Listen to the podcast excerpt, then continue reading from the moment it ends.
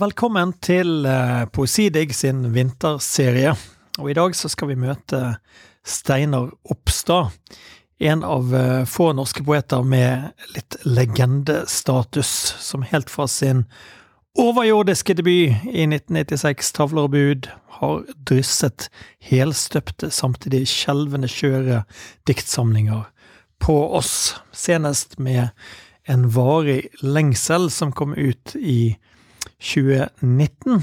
Han har også gjort viktige oversettelser, annet av eh, Lars Norén sine i to fragmenter-volumer. Og han har også vært viktig for å fremme og forstå Cecilie Løveids forfatterskap. Eh, hallo, eh, Steinar. Ja, hei, Henning. Hei, hei. Eh, det er litt rart. Det sto i Morgenbladet nettopp eh, at du, at du var en bergensorientert uh, forfatter. Det, var, det, kom litt som, som en uh, overraskelse på meg, men, uh, men, men, kanskje ikke for deg? altså, ja, ja. Jeg har vandret mine unge år, kan du si, i Bergens gater. fra jeg avsluttet eller tre og et halvt år etter at jeg gikk på gymnaset. Fra jeg var sånn 19 til 23, ja. Så bodde jeg i Bergen og studerte der. Og gjorde mine første famlende skriveforsøk på en litt luguber hybel i Skottegaten på Nordnes. Eh, downtown Nordnes. Så sånn sett så jeg, kjenner jeg Bergen litt. Eh, men det, det, denne personen i Morgenbladet siktet til, var vel at jeg liksom jeg var orientert mot en form for bergensk litterær estetikk.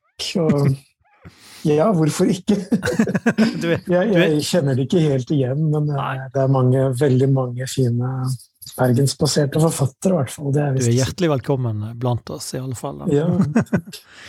men eh, du snakket om de famle tidlige forsøkene. altså du, du, når jeg gikk på Skrivekunstakademiet uh, i 1998, så hadde jo du utgitt tavler og bud. Og da var det egentlig uh, alt vi snakket om. Det var jo denne, denne boken. Det var, en Den hadde en slags tidlig Jeg, nevnte ordet legendestatus, men det var noe litt sånn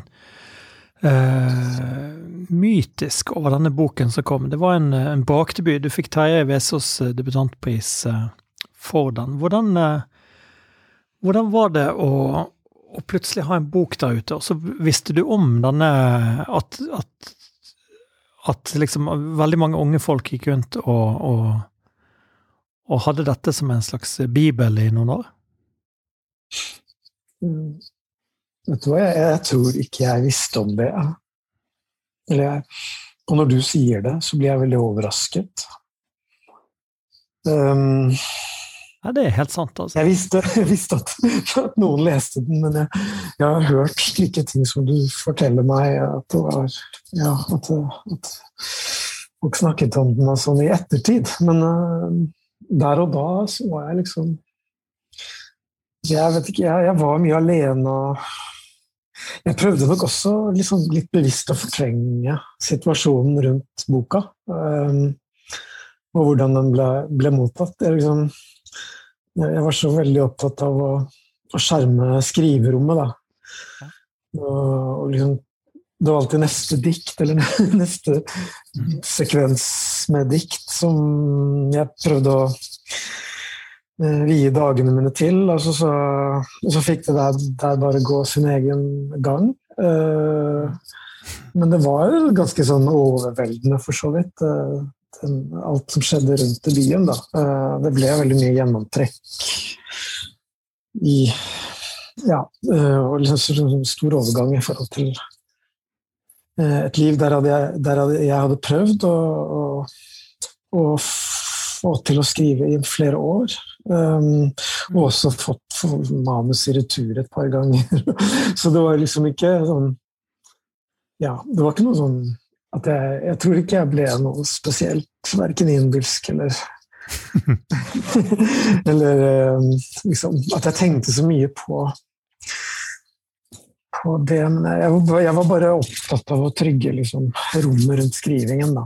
Og, det, og det, at det skjedde hyggelige ting rundt byen gjorde jo også at jeg fikk et grunnlag, også økonomisk, som, jeg, som gjorde at jeg kunne fortsette å skrive. Mm. Mm. Kan vi få høre litt fra, fra denne Vi skal høre tre små opplesninger av Steinar i ja. timen, men jeg har også lyst til å høre disse diktene, hvordan de lyder nå, 25 ja. år etter. Ja. Det er, det er det må jeg si at det er også veldig eh, Ofte litt underlig for meg å lese fra den samlingen, fordi diktene kommer veldig bak på meg. Det er akkurat som de er skrevet av et veldig ungt menneske, en veldig ung utgave av meg selv. Mm. Uten at jeg dermed fordømmer det eller uh, avviser den stemmen, men uh, Når jeg skal lese fra den, så ser vi hvordan det går. Mm. Himmelen sprekker lyset ut. Og pappa bærer fram de grønne leketavlene jeg har skrevet ned diktaten på, og setter dem mot steiner i gresset. Pappa sier at krittet renner ut av musklene mine, og at jeg skal skrive flest mulig knokler ut av meg så han kan få skremt bort åpenbaringslyset.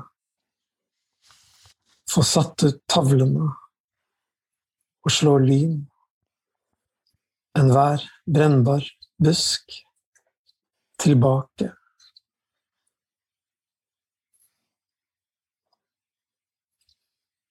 Kveldssol skinner over pappa. Tøyna, den valsen klarer å favne ham. Til tross for at han er så vertikal som en far kan bli. Hver vår slanker han morbærtreet med øks. Henviser det til å gro litt over mot venstre, der en bekk er gravd igjen. En miniatyr av den store elven øynene hans alltid har prist og priser. Så leser jeg ett til.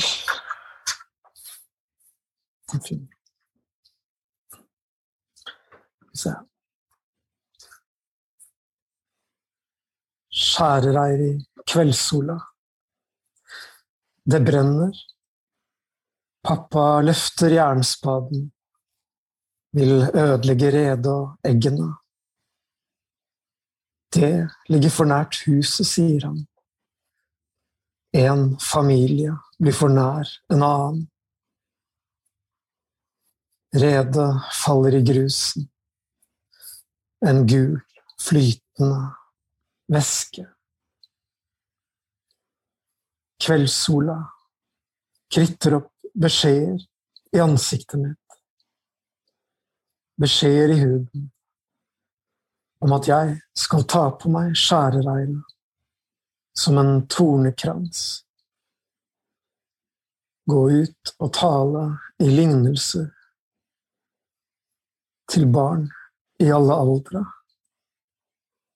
Voksne i alle avskygninger.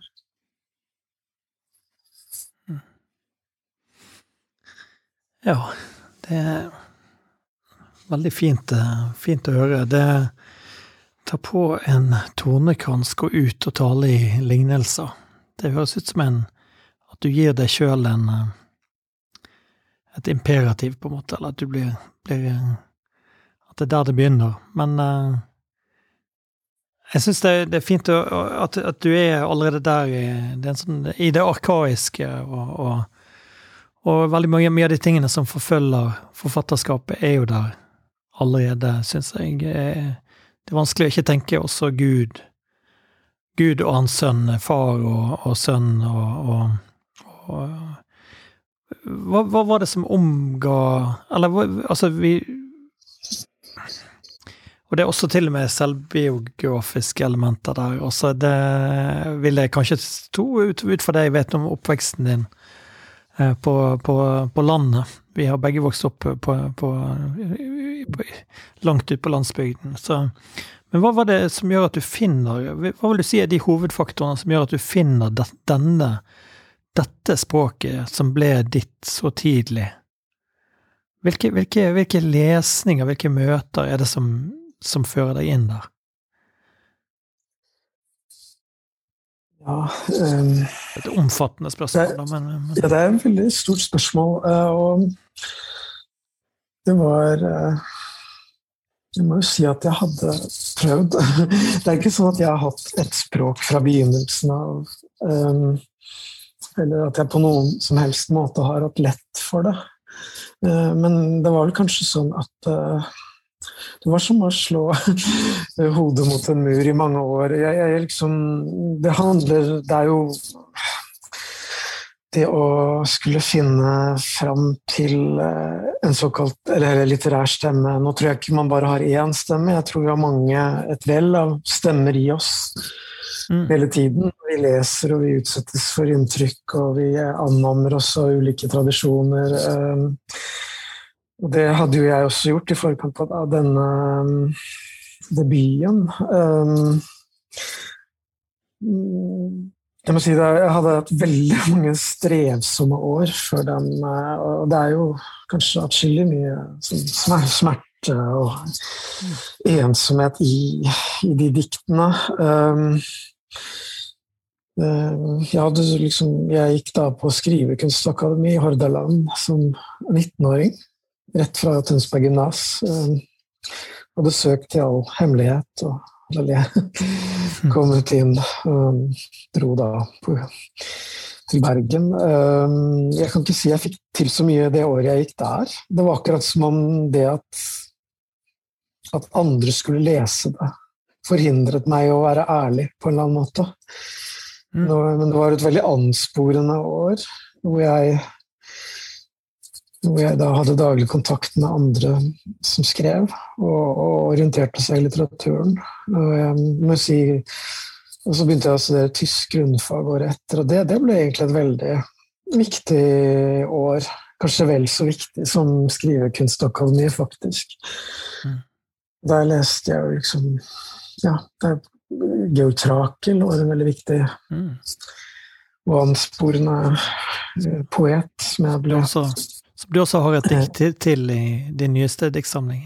Ja, det har jeg. Ja, jeg har også prøvd å oversette han uten at jeg egentlig Det har aldri blitt Ja, noe har blitt publisert i Vagant, men uh, mm. jeg, har vært veldig opptatt av eh, den østerrikske poeten Georg Trakel, som skrev ganske mm. sterkt ekspressive uh, dikt. Dikt som på en måte er som språklige malerier, da.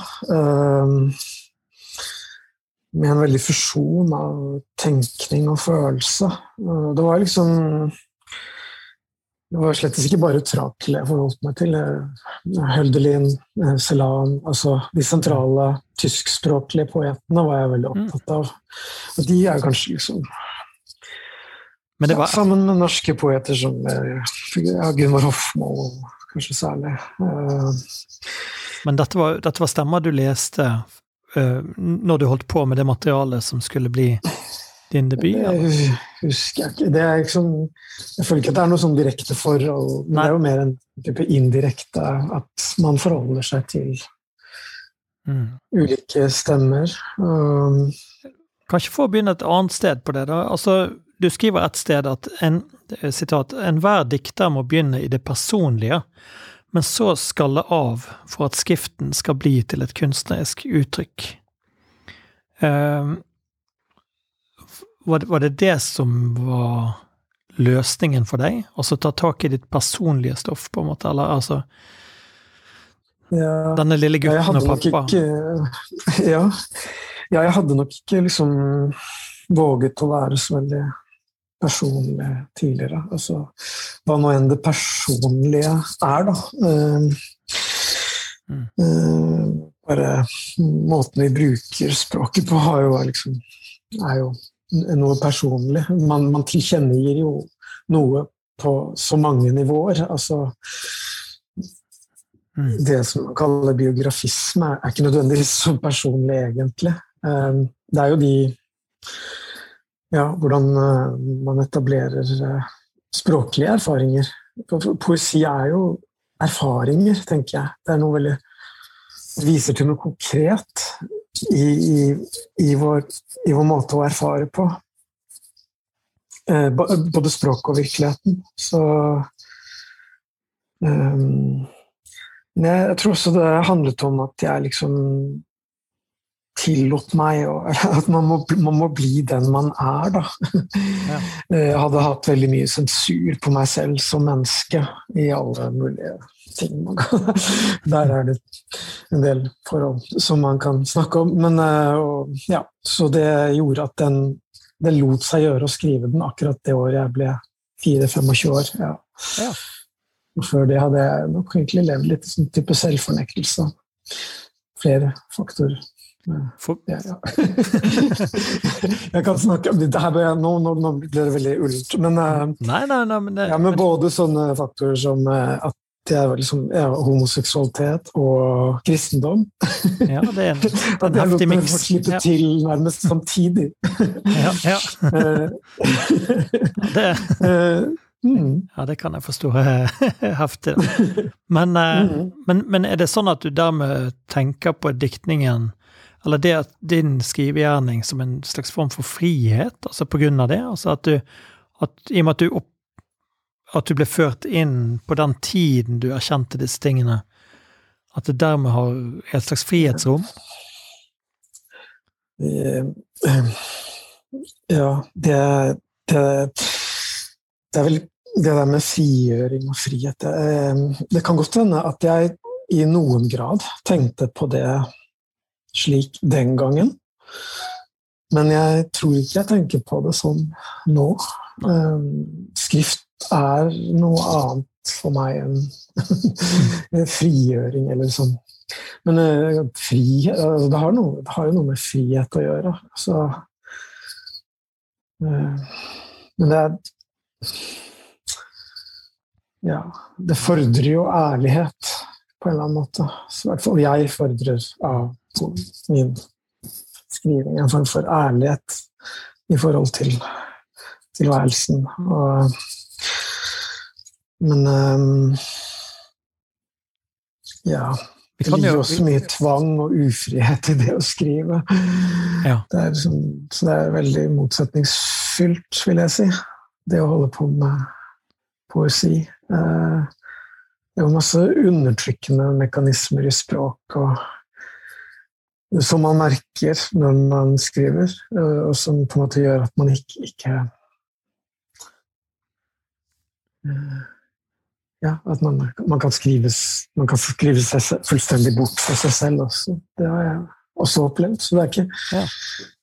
Det er eh, det, det, jeg jeg syns hver diktsamling jeg har skrevet, har vært, er på en måte resultat av veldig motsetningsfylte prosesser. Da, hvor, um, hvor, språket både er et hinder eller et stengsel og uh, en form for gjennombrudd. Mm. Så det er akkurat som man må, må kjempe hele tiden. Mm.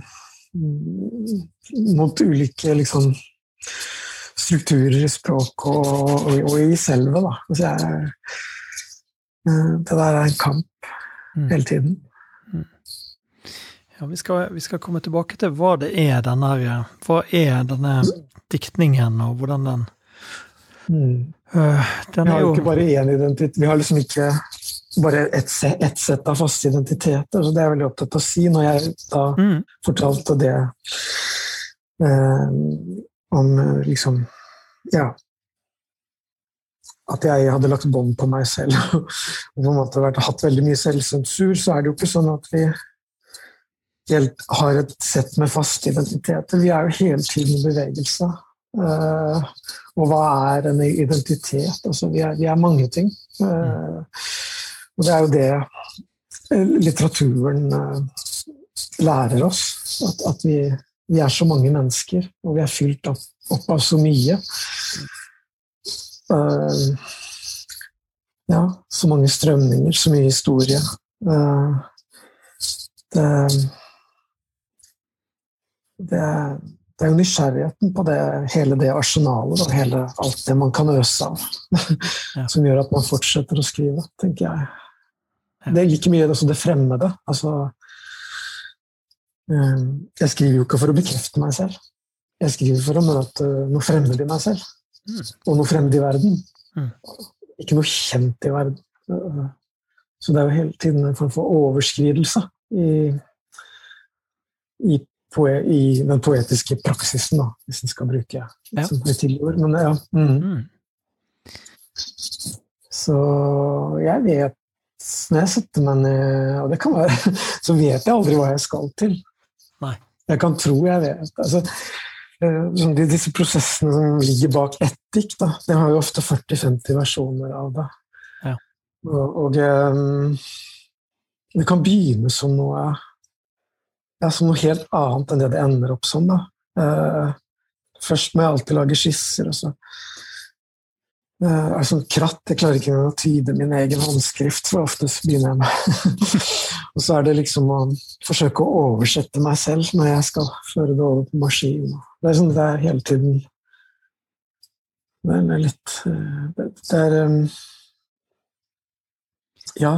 Man også Et sted så skriver du nesten Nesten ingenting er impulsivt eller spontant i diktet. Det er forberedt gjennom år i dikterens sinn.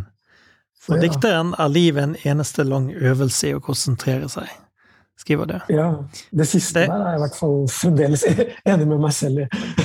ja, for, det, for det, var, det, var, det var, litt, litt for gode nyheter, syns jeg, at, at, man alltid jobber. Jeg, eh, for, for, meg som opplever mye motstand i egenskriving og sånt, så er det liksom sånn ja. liksom, Vær så snill, Steinar, si at vi alltid jobber. For at vi alltid er på jobb, liksom. Det skjer alltid noe med poeten, men det, det gjør vel egentlig ja. ikke det. Ja, jeg håper det. Nei, det skjer ikke alltid noe med poeten, men, eh, men det, man jobber jo for at, at det skal skje noe. Mm.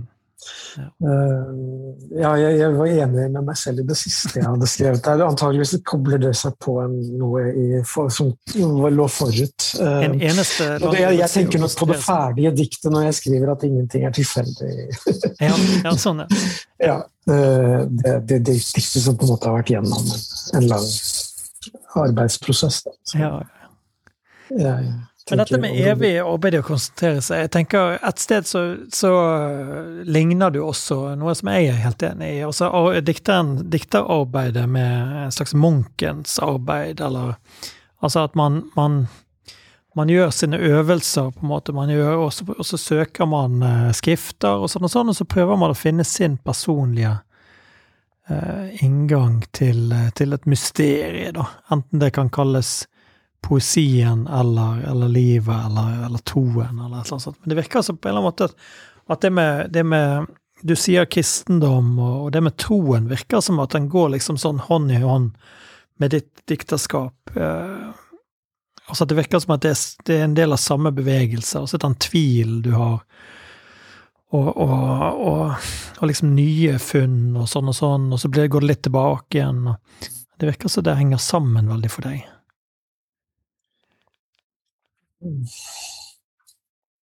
Ja. Eller er det to, to Nei, separate ting? jeg syns det er veldig vanskelig å snakke om det. Det er vel det jeg prøver å finne ut av gjennom skriving, da. Altså uh, Nei, det er ikke to atskilte ting, men uh, det, det, er på en måte litt mystisk relasjon, vil jeg si. Ja. Uh, Men kunne, kunne, sånn, kunne, du Pendelen går litt ulike veier også. Noen ganger så er jeg langt borte fra det der med tro, kanskje. Og så, og så er jeg brått tilbake igjen, igjen i, i, det. Um, jeg liksom slåss mot og vil ta avstand fra det, samtidig som jeg liksom opplever å komme tilbake til en slags hengivenhet i det. Så det der er liksom Jeg forstår ikke selv hvor det kommer fra. Jeg er ikke vokst opp i noe religiøst hjem eller noe sånt, men jeg har noe Jeg tror det kommer fra kritiske erfaringer, hvor man egentlig ikke ja, visste om man orket å være her, rett og slett. Eh, det er sånne skjellsettende opplevelser i unge år som gjør at det med ja, Gud og tro og ja, den der stadige meningssøkingen da, uh, melder seg så sterkt. Um, jeg klarer egentlig ikke å snakke om det. Derfor må jeg skrive om det. Um, det, er, det er gyldig.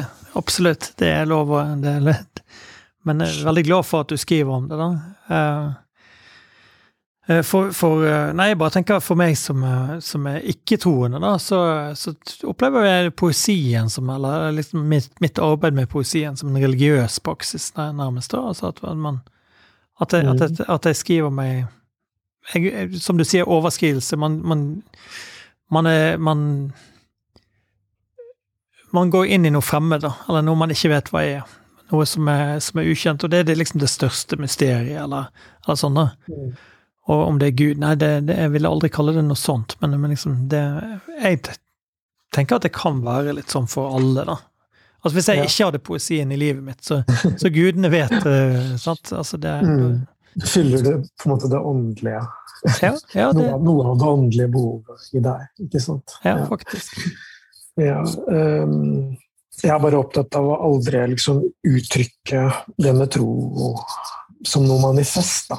men som noe som alltid er i bevegelse gjennom, gjennom språket mitt. Da. Og ja, At det ikke finnes noe liksom, Det finnes overhodet ikke noe bastant eller noe. Det er egentlig en enorm ydmykhet og noe veldig spørrende i bakgrunnen der. Ja. Det er på en måte ingen Ja, eh, liksom det. Um, det er så lett å det, det er veldig lett for folk på en måte å ty til uh, sjablonger eller, eller, å stemple deg veldig når du, når du liksom får en jeg, jeg, ser jo i hvert fall ikke på meg selv som en kristen nei, forfatter. Nei, nei, nei. Eh, det gjør jeg ikke. Men jeg syns det er ofte litt, litt sånn med de, Problemet med de kristne, da, at de, at de liksom strør rundt store begreper. med Troen min og, og bla, bla, som om det var en slags, ja. som om det var en slags bestandig størrelse som eh, Ja.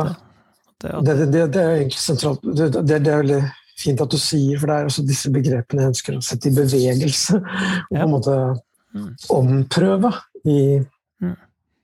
gjennom det jeg skriver. Uh, destabilisere, omprøve. Uh, det finnes liksom ikke for meg noe sett med verdier som er konstant. Altså det, er, det må hele tiden omprøves.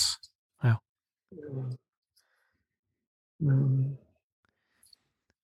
vi, er ikke, vi, er jo ikke, trygge. Nei. Det erfarer vi jo f.eks. nå. Ja. I disse pandemitider. Pandemi. Altså, det er jo Ja, det er jo store krefter i sving hele tiden. Som, så jeg, sånn, altså jeg, jeg, er bare veldig opptatt av at det med, det med åndelighet ikke, ikke, skal være noe sånn trygt og manifest, da. men mm. Noe som hele tiden må prøves mot livet. Ja. Um, når jeg leser uh, mange av dine tanker rundt diktning og sånn, blant annet den helt uh, Jeg kan anbefale den uh, i boken 'Himmelretninger essay som dikt og diktning', med fantastiske lesere, lesninger av, av ulike diktverk og sånn. Der avslutter du også med et essay om skriving, som nærmest står for meg som en poetikk, eller som jeg hadde stor glede av å lese. da. Opprinnelig trykket i Ratatosk, dette tidsskriftet. Ja, et fantastisk skrift. Ja, det... Tidsskrift oppi Trondheim. Trondheim, Trondheim, ja. Så, ja. Så, og der du begynner med 'Hvorfor vie livet sitt til poesien'. Og det, det er Det virker som du har altså Du har gjort veldig mye inn du har, du har mye innsikt i egendiktning og andres diktning og sånn, men, men, opplever du noen Altså, har du opplevd skikkelige kriser i løpet av disse eh, 25 årene du har vært dikter, på en måte? Altså, har det vært, har det vært perioder der du har mistet helt troen, eller du har, du har på en måte mistet eh, Mistet det helt, på en måte? Altså, altså går det i feil retninger i perioder såpass at det, det er alvorlig? Ja um,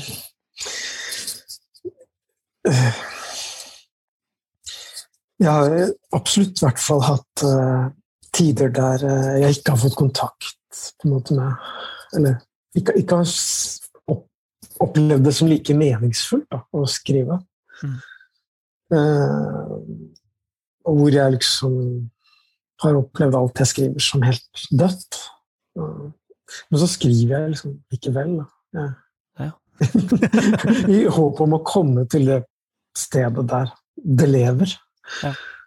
Uh, det er sånn at jeg ikke gir meg. Jeg har nok um, uh, Jeg er absolutt liksom, ydmyk overfor det der med at det, det finnes kanskje en form for inngivelse. At man kanskje skal vente litt, og at det er noe med at livet også forteller en litt når, når en skal skrive. Men uh, jeg har også en veldig sterk vilje, da, eller drive, kanskje litt for.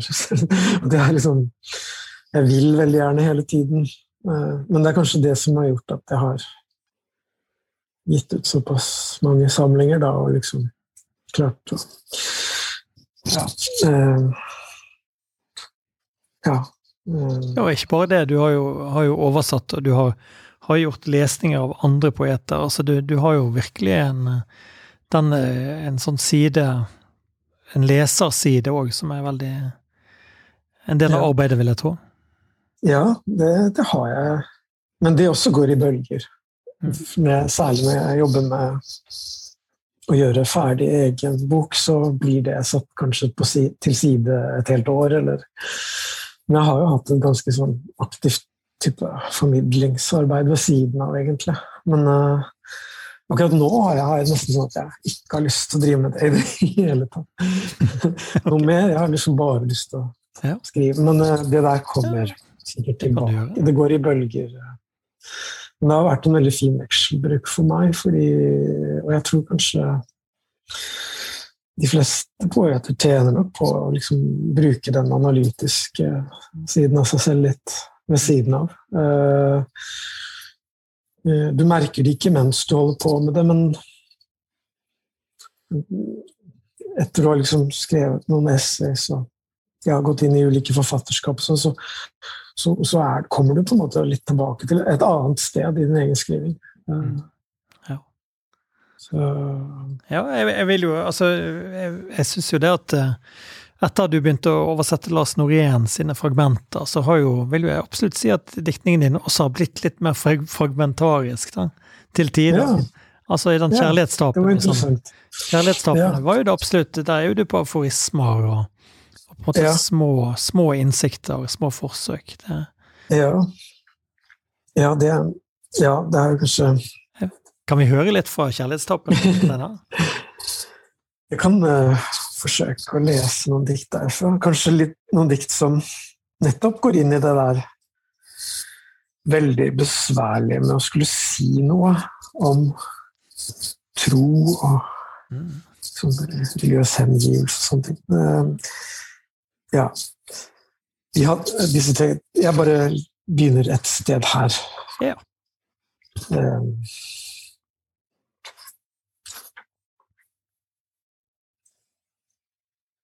Hver dag har jeg tenkt på diktet, slik en troende tenker på sin Gud. Eller sagt på en annen måte, hver dag kjenner jeg på ekstasen ved en mulig utsigelse, og da utsigelse som en akt ulik enhver samtale eller ytring, mer som en bønn jeg ikke tør fremsi høyt ja, knapt nok i mitt indre.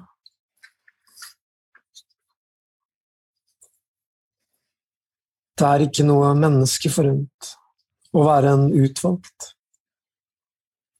Likevel tilber mange av oss Herren Jesus og kaller ham den salvede. Eluard skriver at det fins en fugl større enn vinden, men livet har lært meg at så fort det kommer tre eller fire andre fugler flyvende, så blir vinden igjen den største.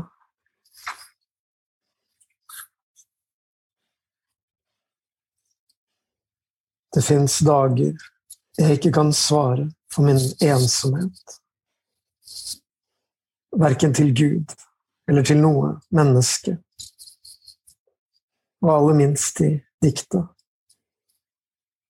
Jeg har blitt en fugl større enn vinden, og vet ikke lenger hvor jeg kan slå meg ned. Ja. Kjempe, kjempefint. Ja. Fra kjærlighetstapen. ja, det er veldig, veldig fint. Du skriver eh, et sted at for en dikter gjelder det å skape seg et kjærlighetstap, men helst i det stille unndratt øynene til den han elsker. Bare slik vil han kunne beholde ham, uhildet som svarte bokstaver på hvitt papir. Altså, i dette utsagnet, da, som jeg, må, som jeg fant eh, interessant, da, så, uh, så er det som at, nesten som at livet er litt underlagt skriften. Da, at, at det liksom skal At man lever livet for, for, for at det skal bli noen gode dikt. På, det, det var det. Sånn er det jo i perioder. Eh, Ja. Men jeg Det er mulig jeg er litt enkel, men altså selv sånn arbeidet da, for mennesket hva, hva er ikke arbeidet for mennesket? Um, det er, ligger jo en enorm potensielt sett en enorm frelse i arbeidet. En enorm, altså for, eh, jeg har vokst opp på en gård. Eh, Jeg, har sett far, jeg har sett faren min jobbe hele tiden. Jeg tror han elsket å jobbe. Eh, Det er bare sånn det er noe utrolig eh, vakkert da, og liksom, egentlig opphøyd over arbeidet, Mm. som jeg, som jeg alltid har på en måte sett til. Eh, Jeg tenker Ja. Jeg tenker ikke skrift som ambisjon, men altså det å, at, at man kan også i perioder være underlagt diktet, og det er noe fint med det. Så jeg, jeg syns det var noe, en interessant tolkning du hadde der. Um, Mm. ja, men eh, skriften tar en jo også. Altså, det er jo Man kan jo bli nesten manisk i noen døgn når man holder på med disse diktene. Og man må, så må man liksom tvinge seg til å kob kob bli koblet av.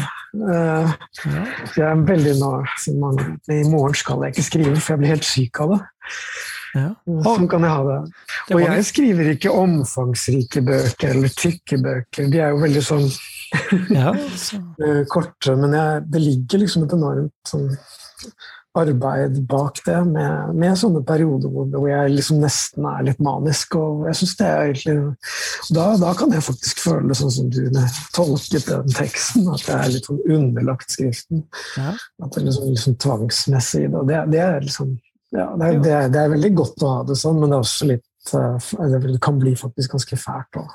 Det det er mange som mener at, at diktning har noe med galskap å gjøre. Altså at det, Ja, Olav Hauge var jo ganske sikker på det, eller han skrev at det, det er, diktning er vanvitt, eller noe sånt står det. ja, ja.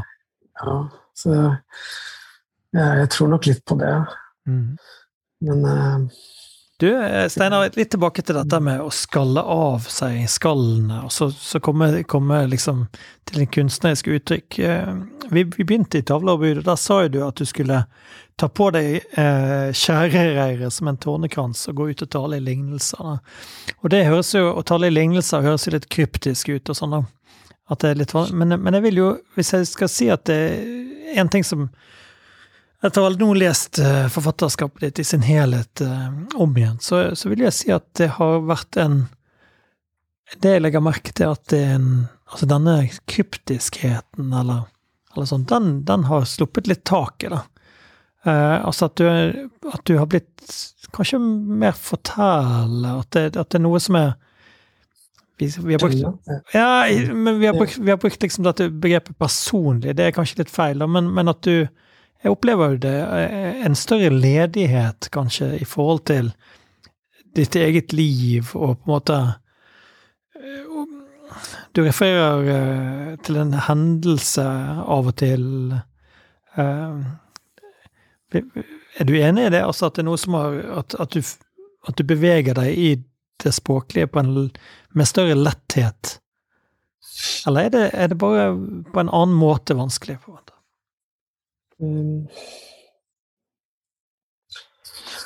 Um, ja, jeg syns det er litt vanskelig å se det helt sånn utenfra. Um, men jeg, jeg er jo opptatt av at jeg er mer og mer opptatt av at det skal være en slags type, en type klarhet da, i, Ja.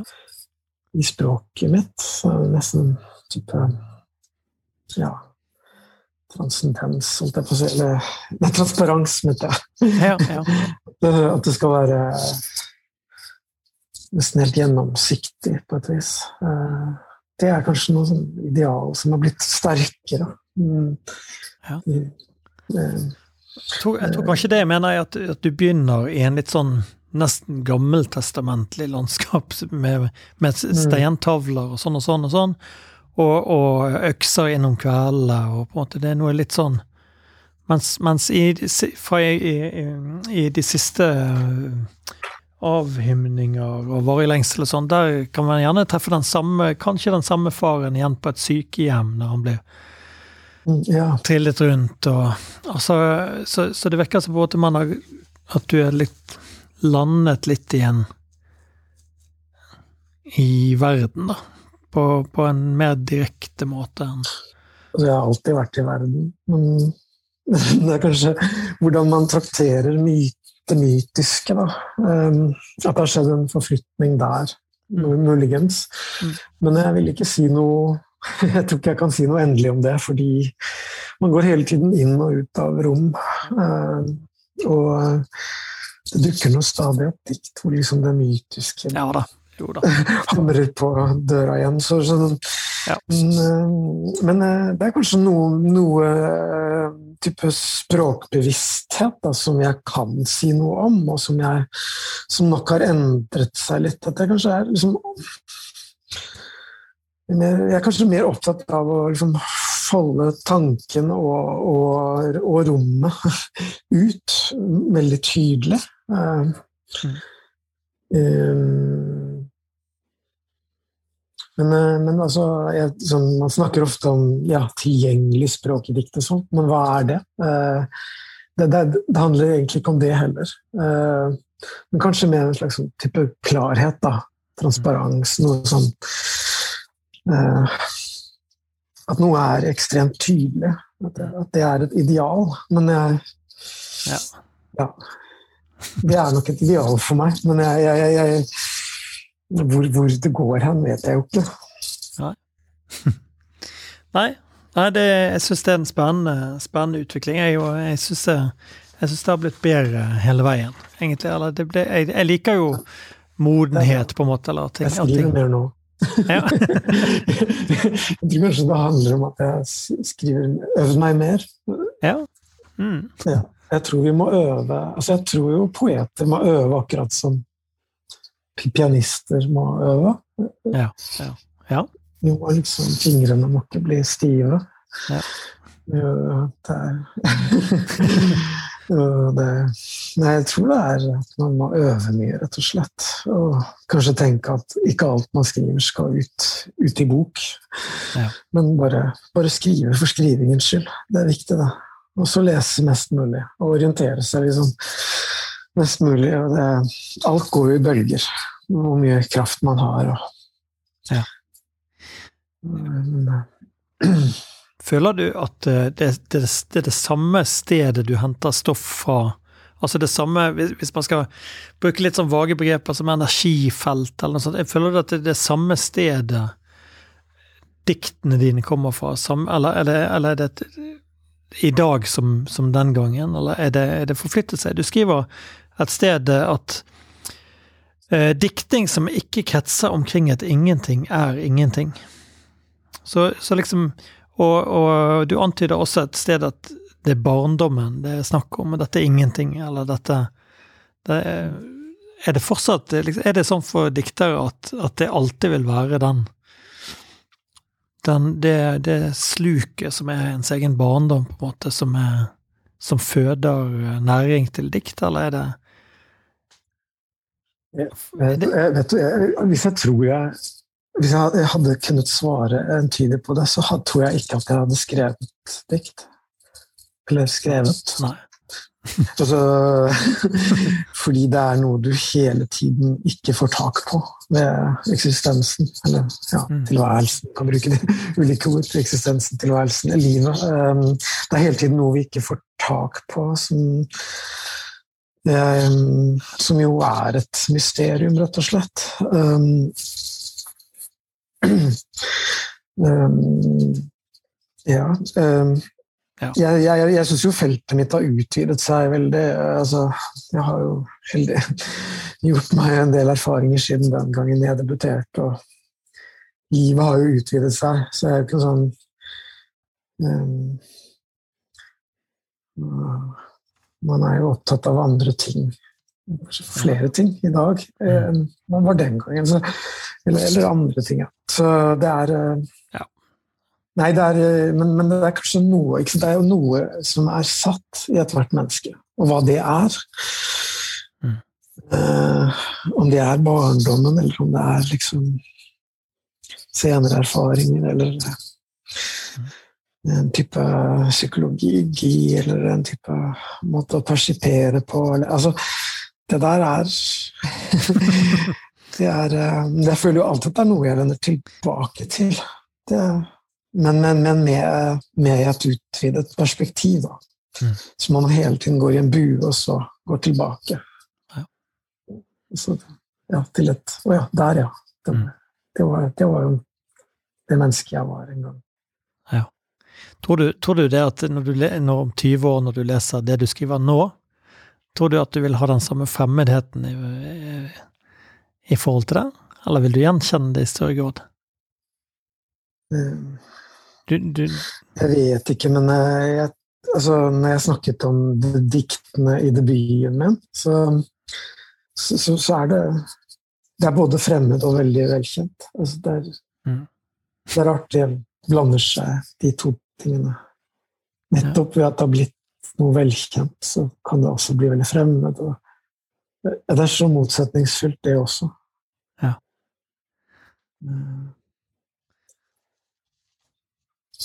Ja. Men det, det,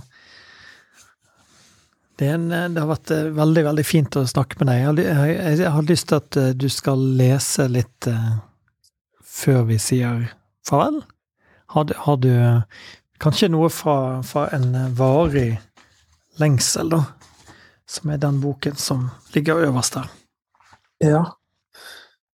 Jeg tar Jeg leser noen dikt fra En varig lengsel til slutt. Um, som jo på en måte forholder seg ganske mye til debutsamlingen min.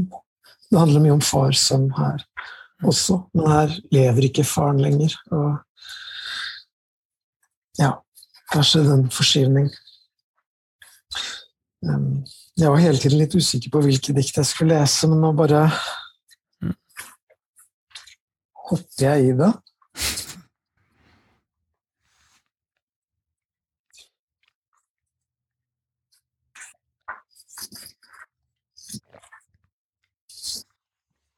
Jeg skal aldri bli far. Jeg skal avvikle meg selv. Og det må skje på samme måte som åkrene, som sås og høstes hvert år. Vi er av bondeslekt, fattige, og døden lyser i oss som små korn.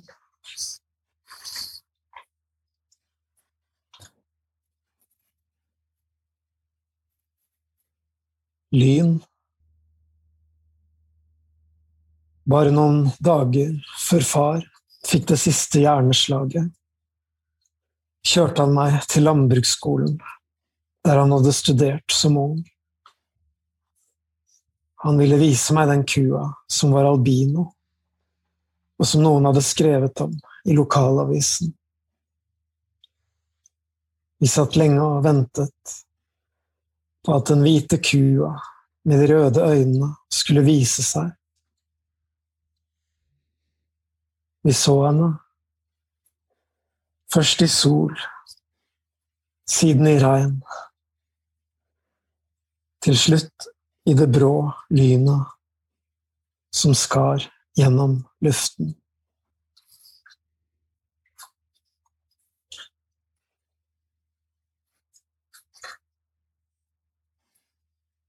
Kan fortvilelsen finne en himmel, lengselen en jord. Mystikerne skriver at vi skal takke for ydmykelsene, for det er de som kan føre oss nærmere Gud. Men på hvilken måte gjelder dette for dem som lever aller nederst? Mystikernes ord er allerede innlemmet i en himmelsk orden. Tankene deres er som solgult gress, rett før det igjen skal bli jord. Tankene deres er som lignelser skrevet i luften.